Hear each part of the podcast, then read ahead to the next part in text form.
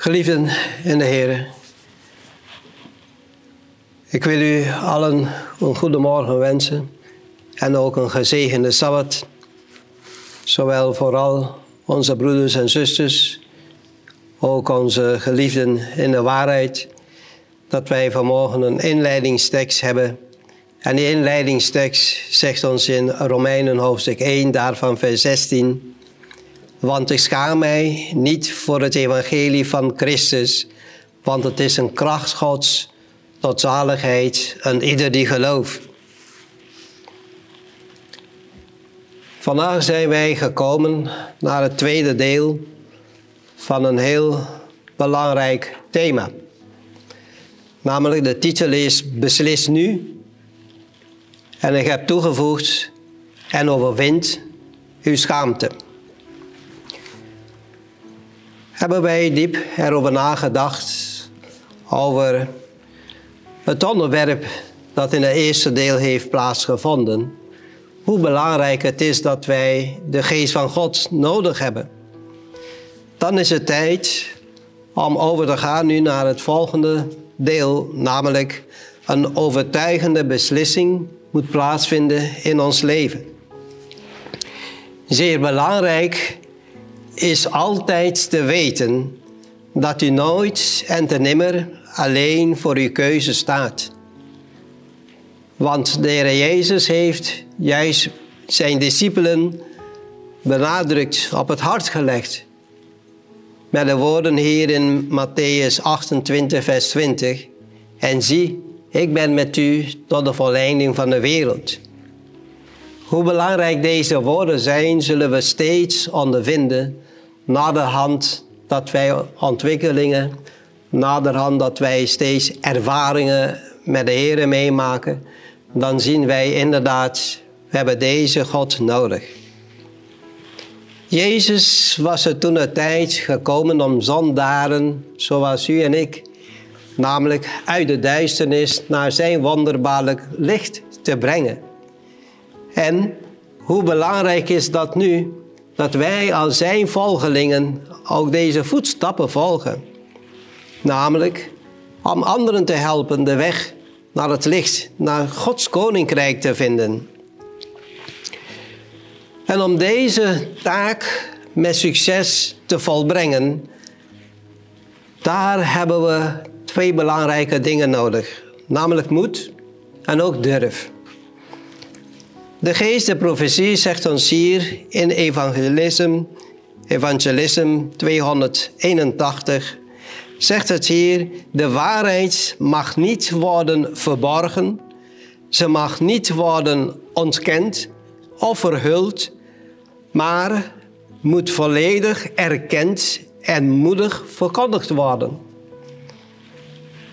Maak voor uzelf de juiste keuze en beslis nu en overwint uw schaamte. Terwijl Christus vandaag nog voor het aangezicht van onze hemelse Vader staat, waar Hij pleit voor verzoening van onze zonden, zodat wij weer met God kunnen verzoend worden, zodat wij ooit in Zijn koninkrijk mogen zijn. Wij moeten steeds bewuster worden. Nu hebben wij de mogelijkheid om een juiste keuze, om een juiste beslissing te nemen. Vandaar dat er ook durf en zelfs aandringen nodig is voor een goed besluit. In het Bijbelboek ervaren wij hier in Romeinen hoofdstuk 1, daarvan vers 16. Hier zien wij dat de apostel Paulus voordien was hij heel ijverig zijn eigen manier God te dienen. Maar toen hij Christus ontdekte in zijn leven, ging hij met de volle toeren, maar zonder schaamte. En daarom openbaart hij hier in Romeinen hoofdstuk 1, vers 16. Want ik schaam mij niet voor het evangelie van Christus, want het is een kracht Gods tot zaligheid voor een ieder die gelooft. Eerst was het bedoeld voor de Joden en nu is het ook voor de Grieken. Ook hierin openbaart de geest der profetie ons in Evangelism, bladzijde 297, het volgende. Hij zegt hier, beste broeder, heb ik toegevoegd, en zuster. Je hebt meer geloof en meer moed en vastberadenheid in je werk nodig. Je hebt meer een duw nodig en minder verlegen zijn. Onze strijd is heftig en gaat gepaard met geweld van de tegenstander. Je inspanningen zijn te zwak. Je hebt meer kracht nodig bij je werk. Anders raak je gefrustreerd of teleurgesteld in de resultaten. Er zijn momenten waarop je een aanklacht zelfs tegen de vijand moet indienen. En hoe kom je daar bovenop? Door de drukte, door het gewicht namelijk. Hij zegt ons hier verder, je moet methoden en manieren bestuderen om mensen te bereiken. Ga rechtstreeks naar hen toe en praat met ze. Laat de mensen begrijpen dat je een boodschap hebt die leven betekent en dat hun ook zal voorzien voor het eeuwige leven. Mijn geliefden, hier openbaart de Heer ons dat wij steeds moeten begrijpen. Wij zijn zwak. We kunnen veel kennis hebben. En toch merken wij, wanneer wij contact proberen te leggen, dat wij hier en daar ja, gaan twijfelen. Zal ik het nu zeggen? Zal ik het nu doen? Overleg het met de Heer. In de geestenprofetie verder in Evangelisme op bladzijde 281. Hij zegt hier, de waarheid mag niet worden verzwegen. Ze mag niet worden ontkend of verhuld. Met een volledige erkenning en moed moet het gebracht worden. En hoe, moedigt, hoe bemoedigt de Heer ons om elke keer weer die stap te maken? Hij wijst ons erop. Nu hebben wij de mogelijkheid, nu hebben wij de kansen om een juiste keuze te maken. En hij zegt ook in Matthäus 24, vers 13: Maar wie volhardt tot het einde toe zal zalig worden. Mijn geliefden, de strijd is hier op aarde. De overwinning zal zijn wanneer Christus terugkomt op de wolken des hemels. In de geestenprofetie verder in Evangelisme op bladzijde 281. Hier zien wij wat ons voorstaat. Namelijk, er zijn twee extreme gebeurtenissen die wij moeten vermijden. Twee.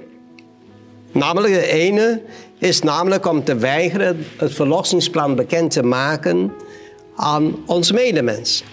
En het tweede is, let op, dat wij niet de geest van mensen die uh, zijn opwekkingsactivisten, zijn valse herders, die proberen eigenlijk ons duidelijk te maken wat het hier zegt gebruiken de Bijbeltekst vrede, vrede en er is geen gevaar. En terwijl in het werk een element verweven is, wat is dat? Dat de gevoelens beweegt. Ja, de mensen voelen zich vrolijk, maar het hart blijft onveranderd. Dat is een schijn, een truc van Satan. Maak het heel interessant en toch het hart van de mens blijft onveranderd. Wat moet essentieel te allen tijden het geval zijn, mijn geliefden? Hoe het wenden, brengen of zeggen, Christus moet het middelpunt van alles in ons leven zijn, in onze presentaties. Namelijk, als wij de mogelijkheid hebben om te getuigen, Christus moet centraal zijn. Want Hij is het die voor mij en voor u heeft gedaan. En zelfs toen Saulus, toen hij bekeerd was, wat heeft hij gebracht? Wat was zijn boodschap?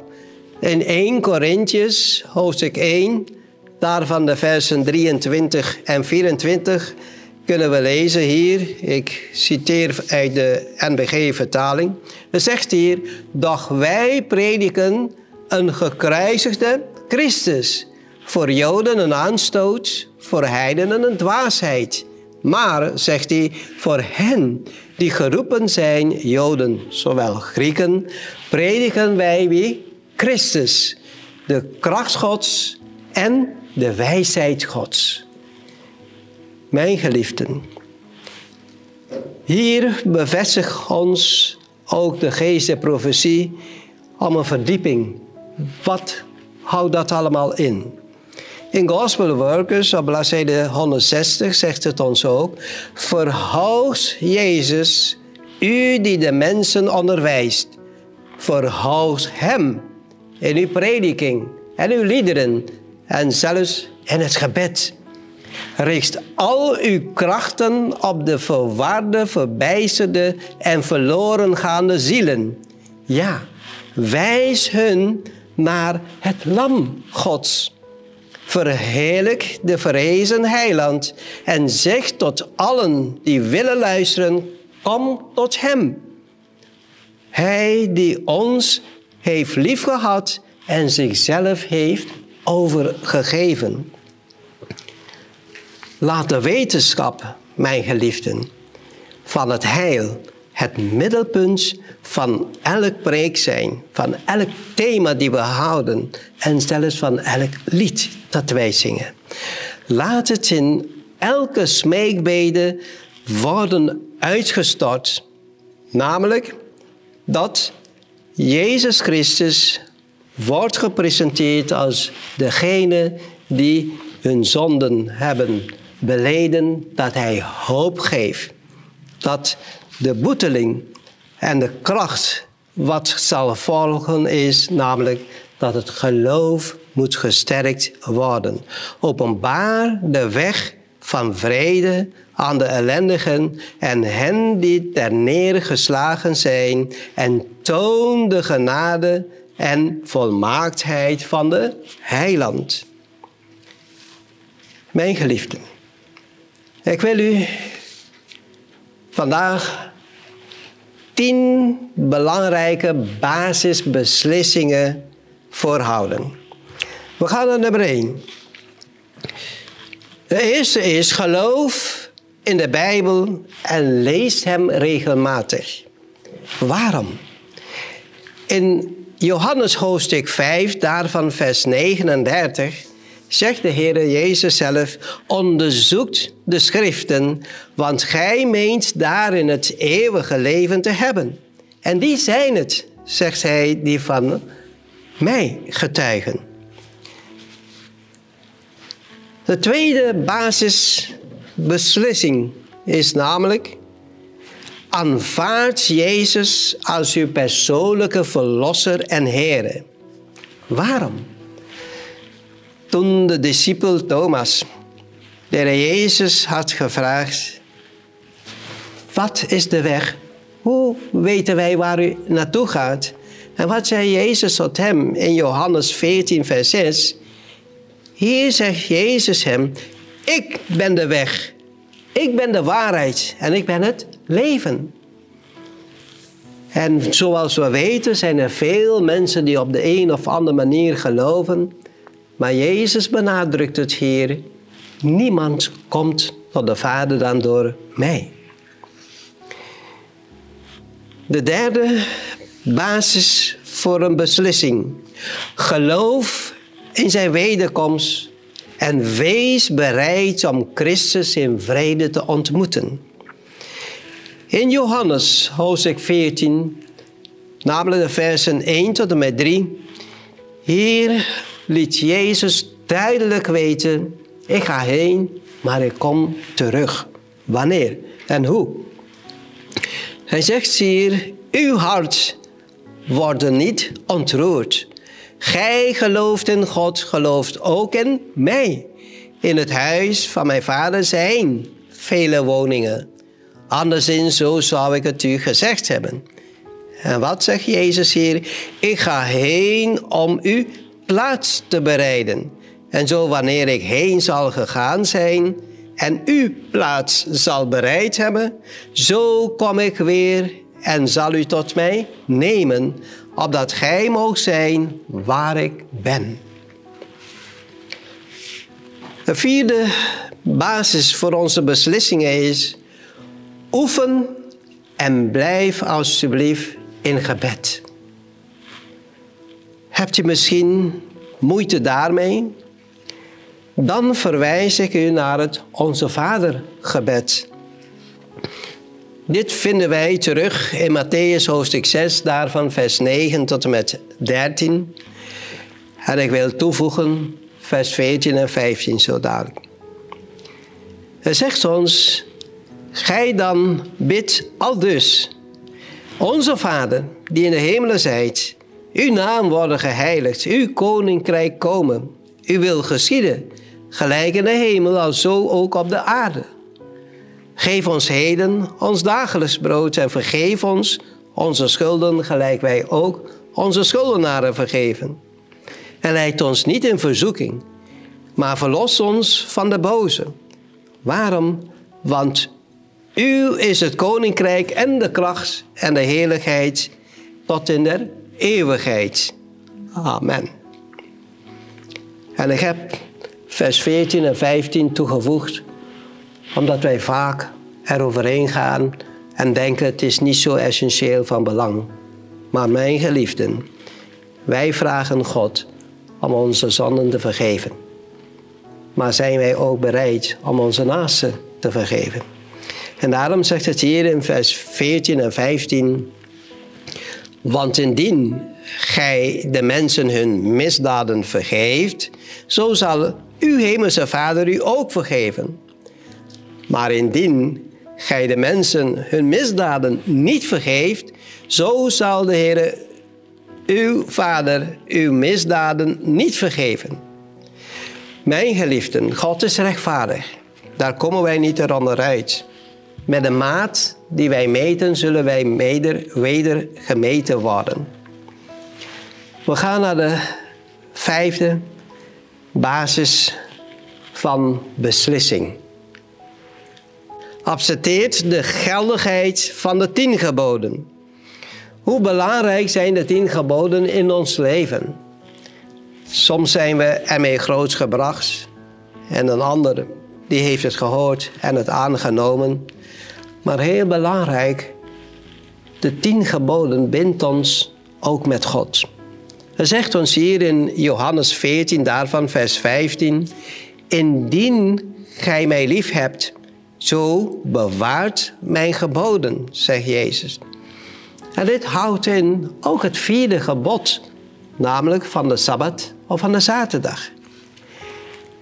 Het zesde basisbeslissing dat voor ons is weggelegd, zegt het hier, laten we beginnen namelijk de Sabbat, de zaterdag te houden. Waarom? Hoe essentieel is dat? In Prediker hoofdstuk 12, daarvan vers 13 en 14, geeft het ons duidelijk te kennen. Van alles wat gehoord is, is het einde van de zaak. Vrees God en houd zijn geboden. Voor wie is dit geldig? Want dit betaamt alle mensen. Want God zal ieder werk in het gericht brengen met al wat verborgen is, en zij goed of het zij kwaad.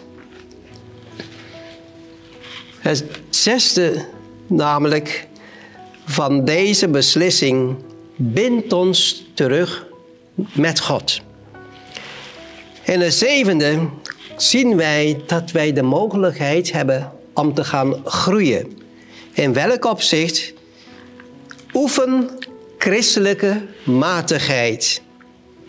Stel je pro op voor gezondheidshervorming. Hoe belangrijk is dat? Ik ben zo blij dat in deze tijd worden maatregelen getroffen die normaal gesproken allemaal uit de Bijbel komen. Namelijk, ben je ziek, blijf thuis. Houd afstand wanneer je ziek bent. En we zien ook hoe belangrijk het is, zorg ervoor dat je immuunsysteem op peil is, mijn geliefden. En 1 Korinthe laat de apostel Paulus ons hier zien ook, in 1 Korinthe hoofdstuk 9 vers 27.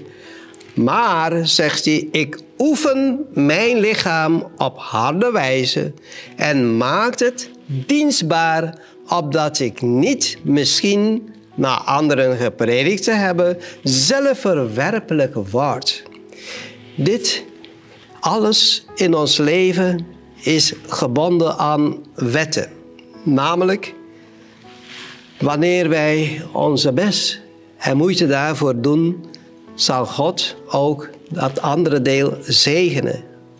Mijn geliefden, het achtste basis voor onze beslissing is: accepteert christelijke rentmeesterschap. Wat betekent dat? In Lucas hoofdstuk 20, vers 25 lezen wij als volgt: En Jezus zei tot hen: Geef dan de keizer wat des keizers is, en geef God wat van God is. Hoe belangrijk is het? We hebben onze verplichtingen naar de overheid toe. We kunnen de overheid niet ongehoorzaam zijn, want dan missen wij toch een deel van de zegen. En we hebben onze verplichtingen naar God zelf toe. Hij vraagt om zijn tienden naar het schathuis van zijn gemeente te brengen, zodat er genoeg voedsel is om de anderen die in nood zijn te dienen, te helpen. Mijn geliefden. Het negende juiste beslissing is: wees een getuige voor Christus. Hoe belangrijk dat is, treffen wij terug. Het is een bevel dat Christus heeft gegeven aan een ieder, namelijk die Hem heeft leren kennen en die Hem willen volgen. In Matthäus hoofdstuk 28 geeft hij dan ook te kennen, ga dan heen. Wat is de bedoeling om heen te gaan? Onderwijs al de volken. Dat betekent maken wijs. Wat zegt de Bijbel? Wat is de bedoeling van het verlossingsplan? En wanneer ze daarvoor openstaan en het hebben aangenomen, zegt het hier, dan kunnen ze gedoopt worden in de naam van de Vader, de Zoon en de Heilige Geest. En één ding is heel belangrijk. En lerende onderhouden wat ze hebben toen de tijd geleerd.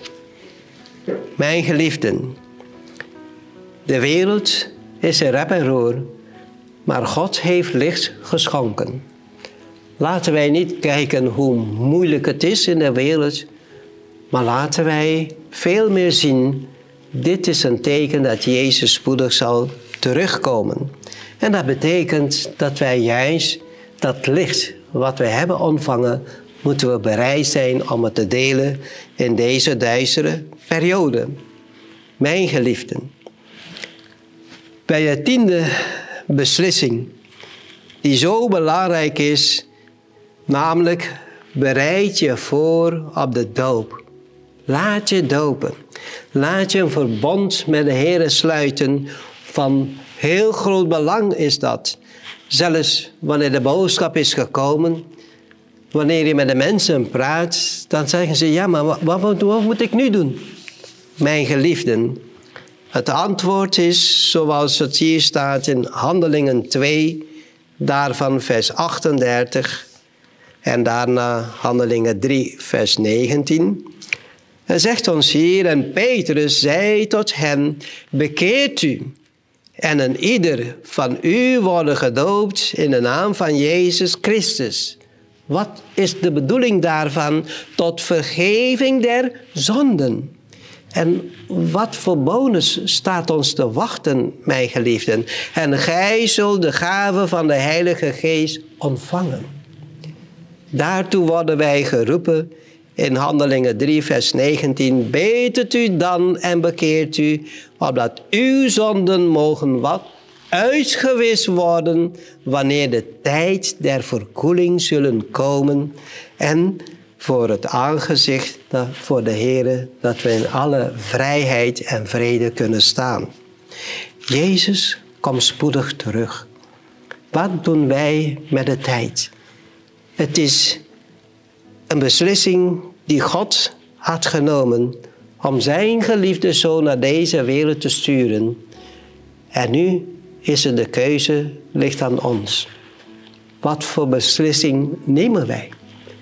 Nemen wij ook een beslissing alleen voor onszelf? Want wanneer wij stap 1 hebben gedaan, dan behoren wij het ook te delen met anderen. Mogen de Heer ons helpen, dat door de kracht en liefde van zijn Heilige Geest, dat onze Hemelse Vader ons zo genadig mag zijn om ons te helpen om samen met Hem, zijn Zoon en de Heilige Geest de overwinning te behalen. Mogen Heer ons daartoe zegenen, is ook mijn wens. Amen.